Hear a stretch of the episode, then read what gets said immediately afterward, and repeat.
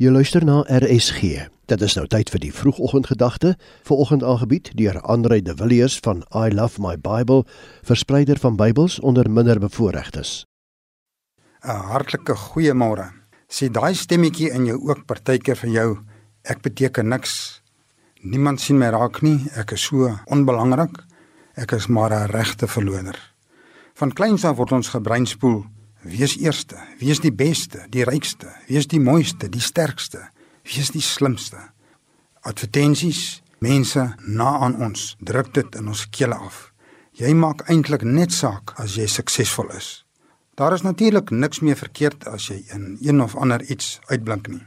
As jy talente van God ontvang het, maak die beste daarvan en gebruik dit tot sy eer. Dan is dit wonderlik. Maar jammer, Jy verdien ongelukkig net mooi niks daardeur nie, want God werk anders as mense. Om die beste en baie suksesvol te wees, tel nie vir hom nie. Hy sien dinge op 'n heel ander manier. Die meisietjie wat die belangrikste vrou in die geskiedenis van die mensdom sou word, kon maklik gedink het sy is niks werd nie. Maria was maar 'n jong tienermeisie en het in 'n gewone Joodse huis grootgeword met ouers wat nie bekend was nie. Sy was verloof aan 'n gewone jong man en het haarself beskryf as onbelangrik. Ander vertalings gebruik die woorde gering en nederig. Kom ons luister na wat Maria self gesê het in haar bekende kosbare loflied wat ons lees in Lukas 1 vers 47 en 48. Ek juig oor God. Hy is my redder. Ek is glad nie belangrik nie. Ek is maar een van God se diensmeisies. Tog het God my raak gesien.